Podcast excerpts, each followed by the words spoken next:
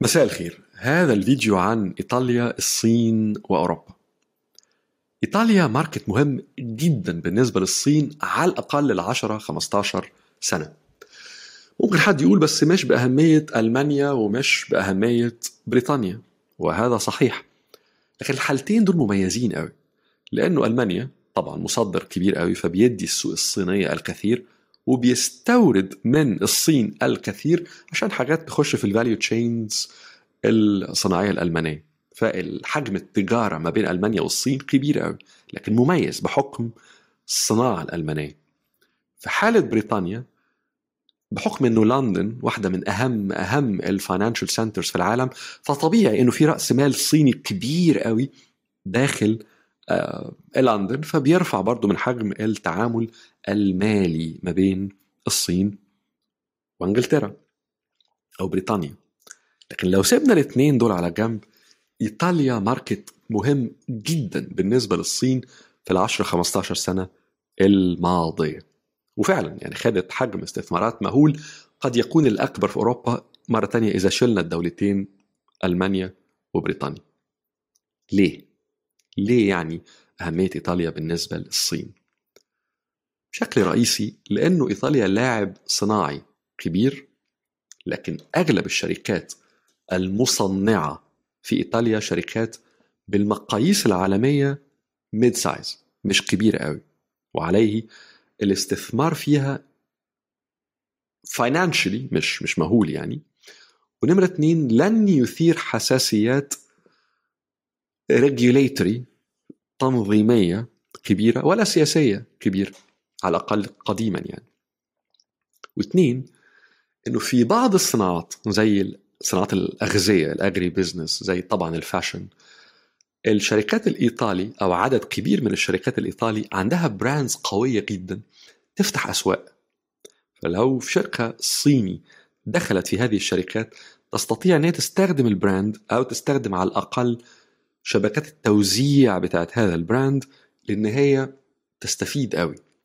هذا خلى السوق الصناعي الإيطالي مغري قوي بالنسبة للصين في العشر سنوات الماضية الماضية أو أكثر. لكن السنة اللي فاتت 2021 حدث فيها تغير مهم وهو أنه في رئيس وزراء جديد جاء في إيطاليا وهو ماريو دراغي. ماريو دراغي واحد أوضح أنه الاستثمارات الصينية الكبيرة بالذات في المجال الصناعي هيبقى عليها تساؤلات. يعني حينظر إليها بقدر من ال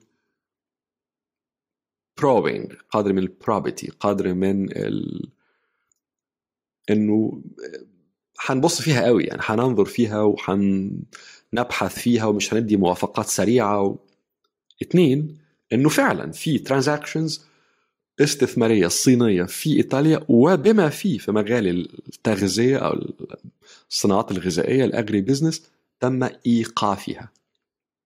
ثلاثة وده المهم قوي هنا إنه ماريو دراغي عبر عن رغبته انه أوروبا تقدم بديل لل Road and Belt Initiative مبادرة طريق الحرير الجديد اللي هي المفروض بتربط اقتصاديات مختلفة في آسيا في أفريقيا في أوروبا طبعا بالاقتصاد الصيني. طبعا ماريو دراغي عاقل يعني عارف أن أوروبا لا تستطيع أن تقدم بديل عالمي لطريق الحرير الجديد الصيني. ولكنه اللبيب بالإشارة يفهم هو شايف إنه في مناطق في أوروبا زي البلقان بقى فيها قدر استثمار صيني كبير قوي ملفت للنظر. هو يرى إنه يثير تساؤلات إنه ممكن يبقى في حتى أمن قومي تساؤلات في أوروبا. ولذلك يقول إنه يجب إن أوروبا تقدم بديل لذلك. مش بديل كوني بديل لأوروبا لبعض الأماكن في أوروبا اللي بدأ يبقى عندها اعتماد أو على الأقل حجم كبير من الاستثمار الصيني بما فيها بلده نفسها إيطاليا. أهمية القصة هنا طبعا إيطاليا بلد ثقيل له ثقل في أوروبا لكن الأهمية قوي أنه صاحب المبادرة هو ماريو دراغي. وهو مش بس رئيس وزراء إيطاليا لكنه قبل ذلك كان رئيس البنك المركزي الأوروبي في أهم فترة لهذا البنك اللي هي بعد الأزمة المالية في 2008 والماريو دراغي لعب دور حاسم في الرد ال response الأوروبي لهذه الأزمة. فالرجل له ثقل. في السياسة الأوروبية. ال background بتاع ماريو دراغي أيضا مهم لأنه مش جاي من background سياسي عادي.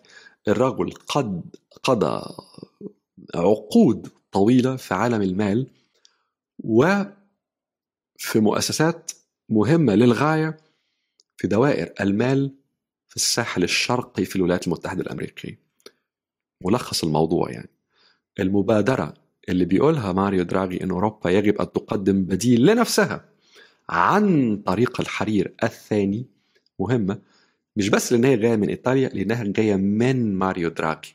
إنها حيكون لها ثقل في أوروبا حيكون غالبا لها سبورت من دوائر مهمة في أمريكا إذا أي حد مهتم بالمواجهة الاستراتيجية الكبيرة قوي ما بين الولايات المتحدة الأمريكية والصين يجب أن يهتم بهذه المبادرة من ماريو دراغي لأنها ممكن قوي تبقى دور مهم تلعبه أوروبا أو واحدة من الحاجات اللي ممكن تعملها أوروبا. طبعا في المعسكر الغربي في هذه المواجهة الناشئة ما بين أمريكا والصين.